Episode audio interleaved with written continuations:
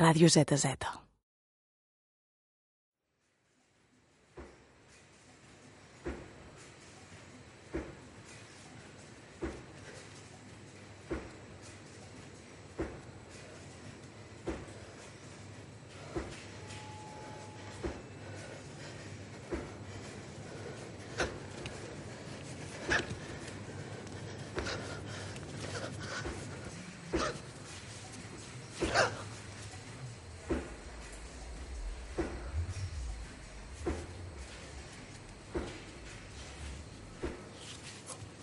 Realment la meva feina que m'ha acompanyat sempre i que, i que gaudeixo molt és el so, tant en directe com en postproducció.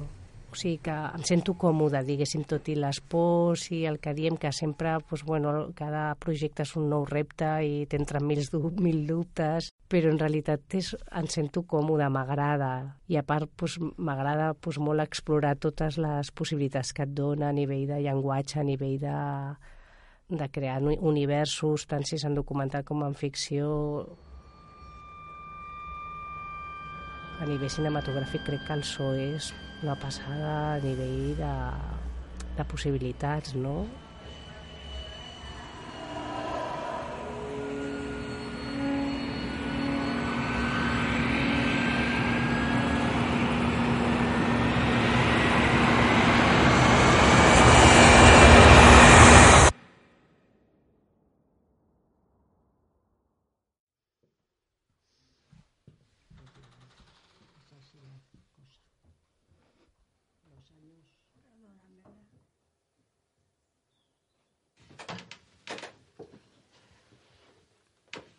Ja, ja. Toma. Vés, hija. Quan tu parteixes de la base de que has escrit un guió o que el guió que està escrit ja hi ha molts apunts sonors, hi ha moltes idees sonores, després en els llocs passen moltes coses que tu ja, estàs, ja tens certa sensibilitat cap a allò perquè jo que sé, des d'un vent que passa per una finestra que fa un soroll o des d'un moble que, que cruix, tu ja tens una sensibilitat cap a aquell espai sonorament i llavors tot allò et pot donar idees. Quan no hi ha aquestes idees inicials, després no hi ha tantes opcions, perquè la manera de rodar també fa que el so tingui més o menys possibilitats o més o menys protagonisme o més però, però realment jo crec que t'obre unes oportunitats de llenguatge a nivell narratiu.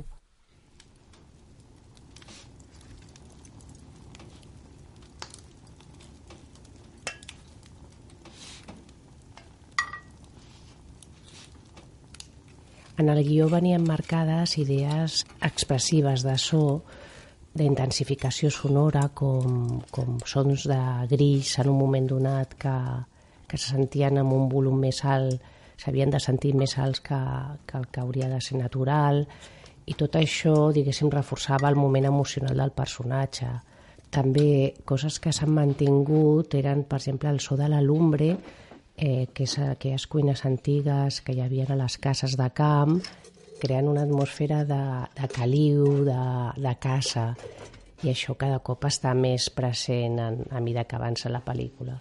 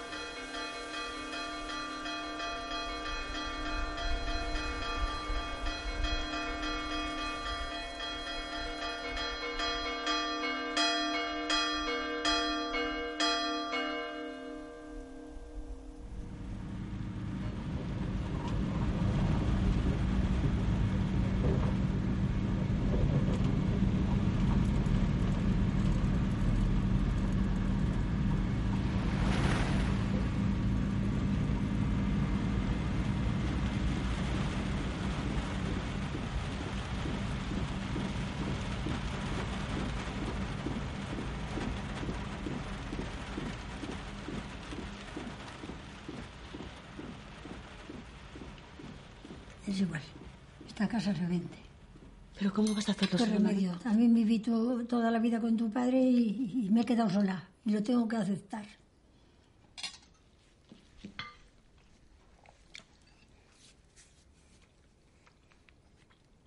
Así que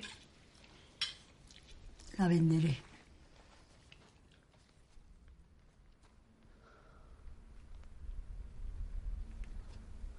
En un principi la pel·lícula es deia Tierras de Soledat. El títol també ens, ens, ens donava moltes pistes de, que els hi passava als personatges i de l'espai on, es, on es trobaven. Però sí que, que era un lloc on els personatges podien trobar aquella soledat, podien fugir, podien trobar aquell espai també de, de refugi, diguéssim, que això sí que en el guió estava apuntant amb aquests espais a vegades angoixants en quant a massa silenci, la incomunicació a vegades.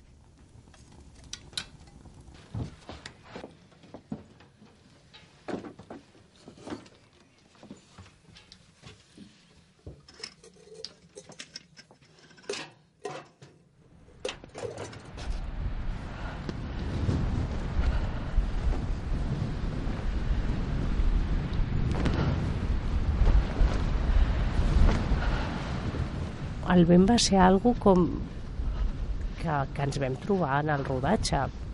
I, i el vent va jugar de manera molt forta en la pel·lícula. Havien moltes idees sonores perquè la Meritxell pensa molt en so però justament la del vent amb alguna localització concreta estava marcada però amb, no amb la majoria. I després resulta que és algú que se'ns va menjar però va funcionar molt bé a la pel·lícula. De fet fins i tot a través del so es pot dir que el títol de la pel·lícula va canviar.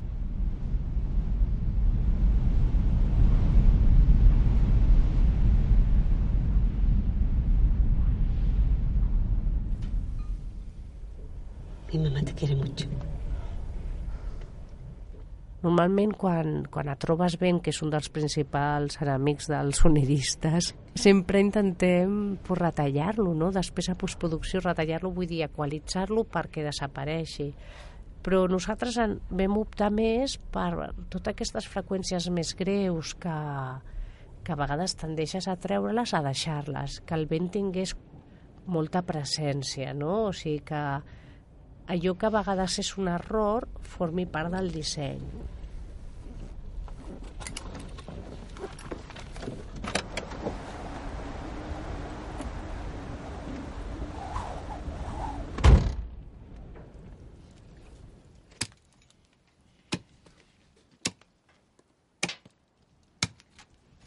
¿Hacemos más? Bueno, pues trae Dame, que ya hago yo. El que teníem a Con el Viento era temps, havia un temps pensat per això.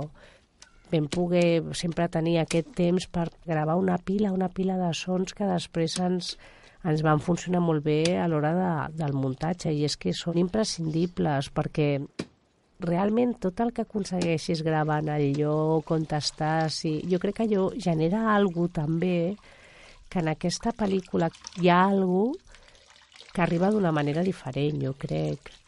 I té a veure molt amb la veritat.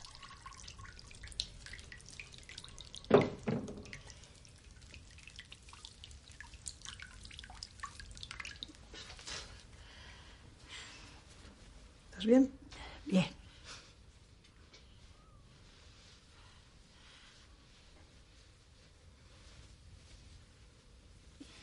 Aquesta pel·lícula, al ser coproducció, hi havia una part del procés de so que s'havia de, de fer a Argentina.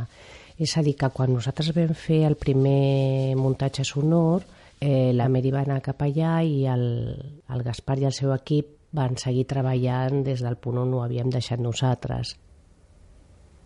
A partir d'aquí ells van fer, van fer Foley, que són efectes sala, van fer van reforçar alguns sons que millor del directe no estaven prou clars o, o vam afegir capes sonores.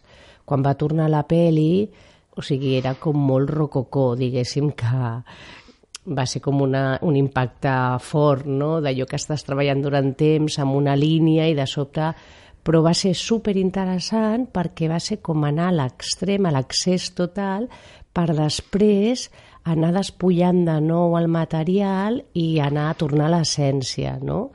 I jo crec que va ser un procés molt, molt bonic i molt interessant.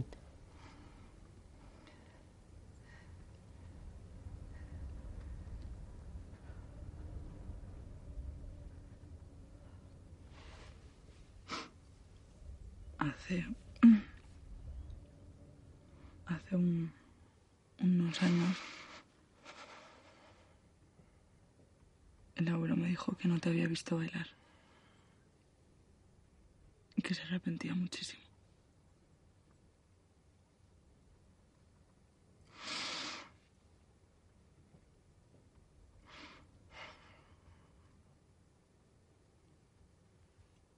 Te lo digo porque seguramente le hubiera gustado que lo supieras.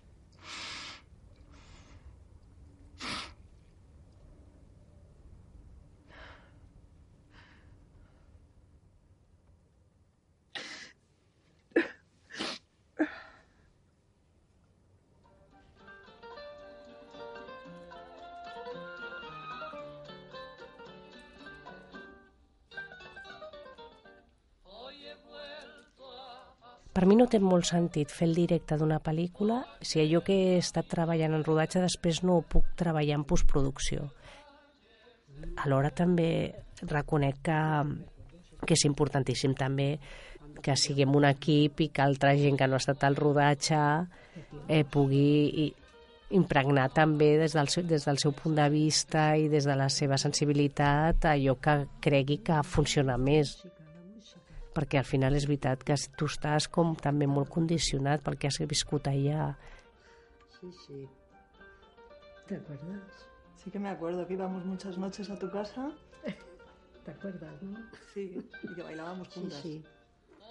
Y ahora mira, todo lo que ha hecho por ahí, fuera y... Increíble. Orgullosos estamos.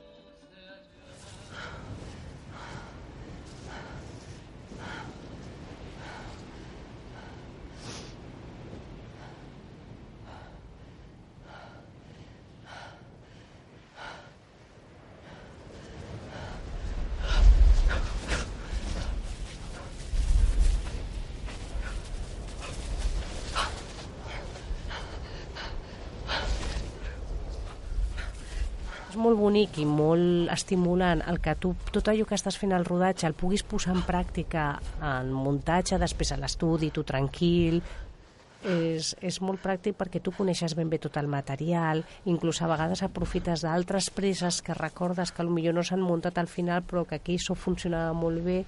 Diguéssim que a nivell pràctic treus molt, molt profit de tot el material enregistrat i a part és molt estimulant per tu